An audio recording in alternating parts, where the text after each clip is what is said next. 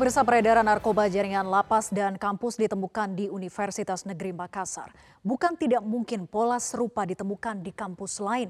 Benarkah ada oknum kampus yang terlibat? Inilah top review.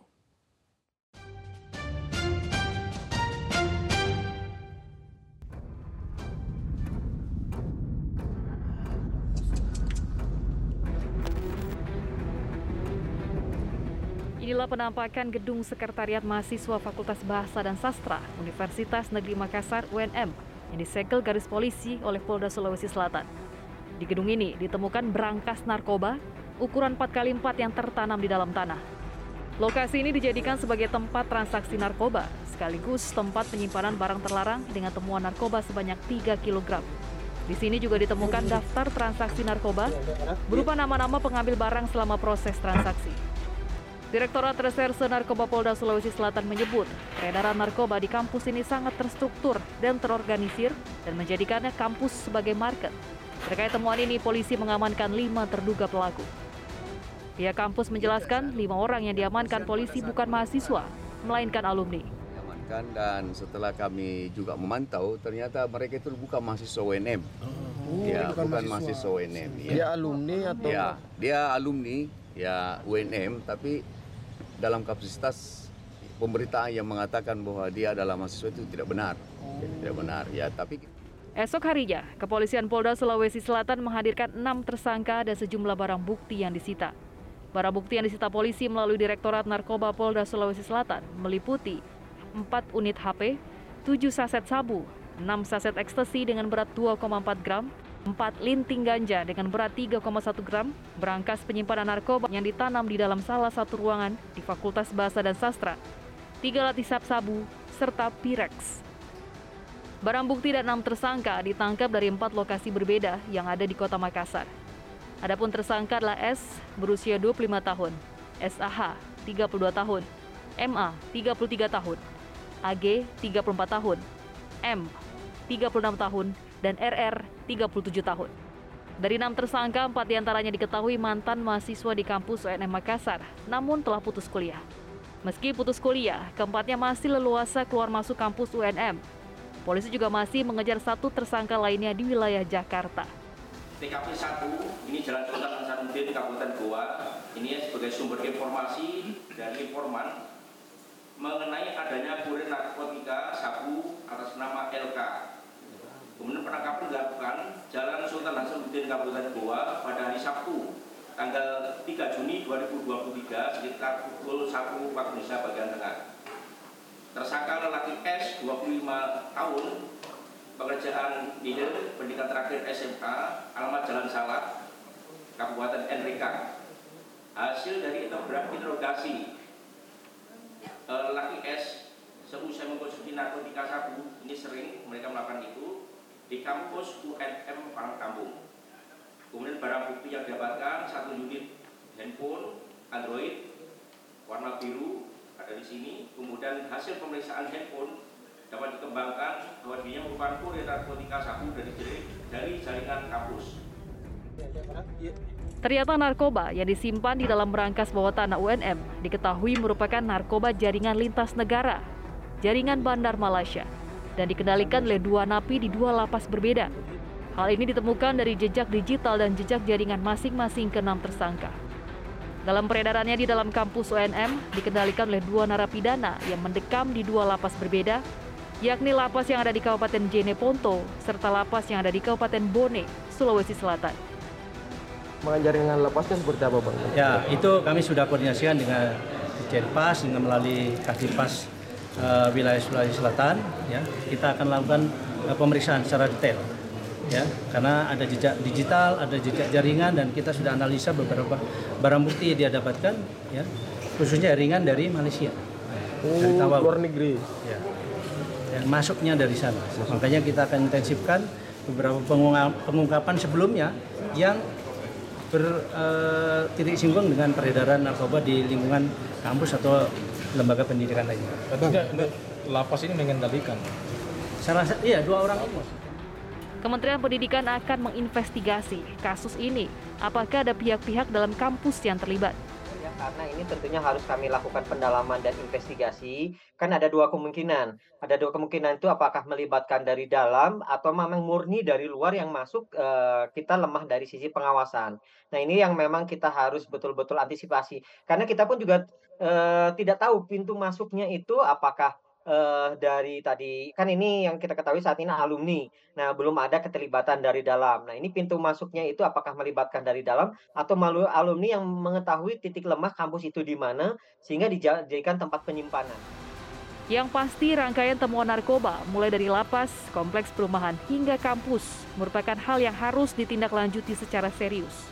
Ini merupakan ancaman nyata bagi masa depan bangsa.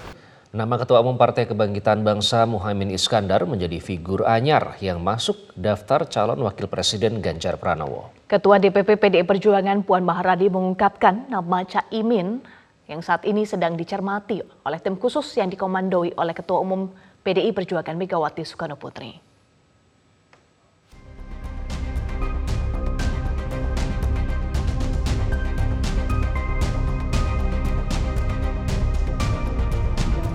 Pasca menggelar rapat kerja nasional, PD Perjuangan terus membuka diri untuk menjalin komunikasi dengan partai politik mana pun.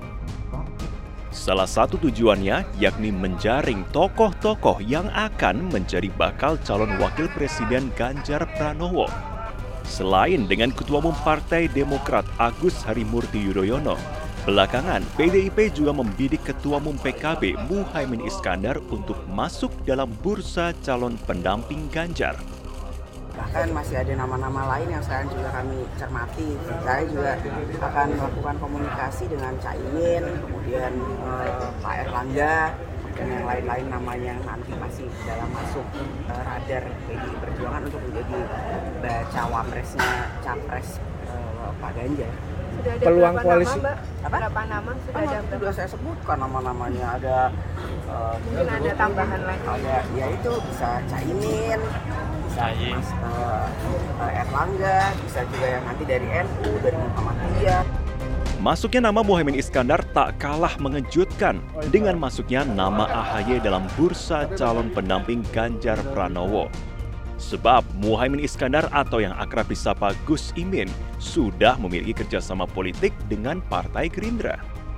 Bahkan Gerindra menyebut Gus Imin mengantongi golden ticket untuk menjadi calon wakil presiden Prabowo Subianto. Siapa pun nama itu dari partai mana pun, kami tetap memiliki kewajiban untuk menyampaikan dan berkonsultasi dan terus siapa pun nama itu kepada Ketua Umum Partai Kebangkitan Bangsa, Abdul Muhaimin Iskandar. Pak Muhaimin adalah juga calon wakil presiden yang digadang-gadang oleh Partai Kebangkitan Bangsa. Sejak pertama kali gabung bagi kami eh, Pak Muhaimin adalah eh, calon yang yang yang apa namanya yang ya golden ticket lah kira-kira begitu. Secara konfigurasi historis, PKB dengan PDIP sudah sering melakukan kerjasama politik. Itu setidaknya tergambar dalam dua pilpres terakhir ini. Kendati PKB sudah mengikat kerjasama politik dengan Gerindra, mereka masih sering bertemu secara informal. Pertemuan terakhir misalnya terjadi pada awal Juni lalu sebelum Rakernas 3 PDIP digelar. Pemirsa langkah PDI Perjuangan yang akan menggelar pertemuan dengan Partai Demokrat menjadi pemandangan yang tidak biasa di panggung depan politik tanah air. Hingga saat ini kedua partai politik PDI Perjuangan dan Demokrat belum memastikan agenda pertemuan antara Partai Besutan Megawati Soekarno Putri dan Partai Besutan Susilo Bambang Yudhoyono tersebut.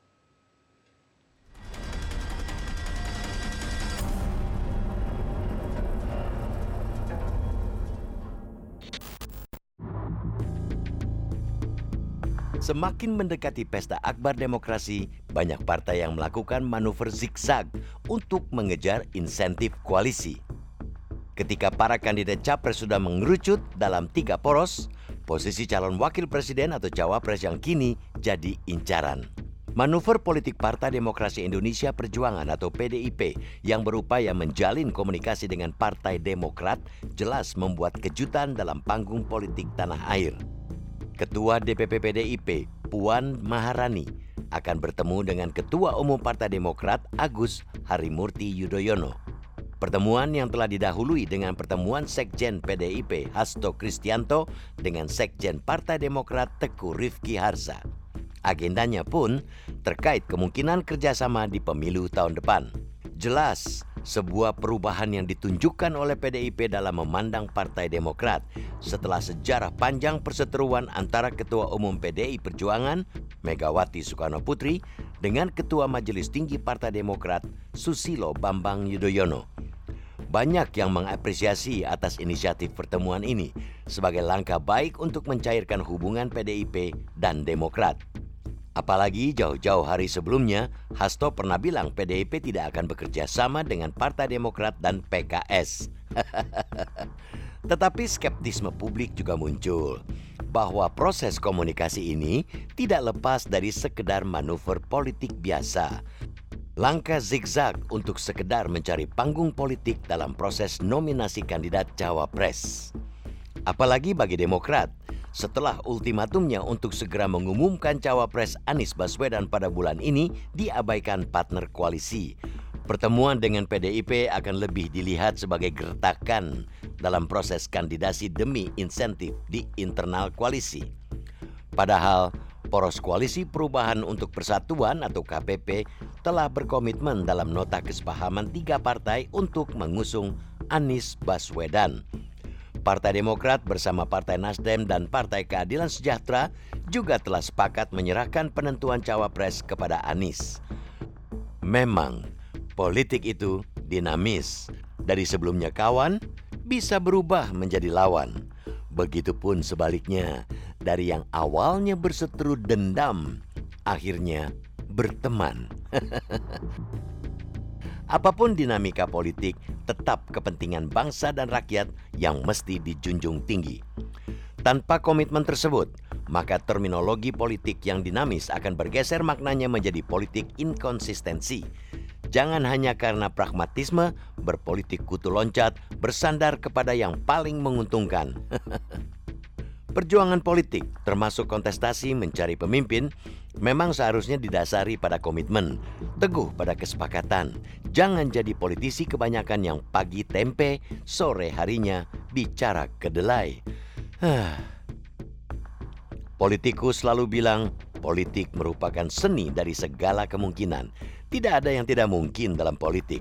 Namun para begawan selalu mengingatkan bahwa politik tetaplah memiliki fatsun sehingga tidak menghalalkan segala cara dan terjebak dalam pragmatisme semata. Publik tentu berharap partai politik tidak menghalalkan segala cara dalam bermanuver.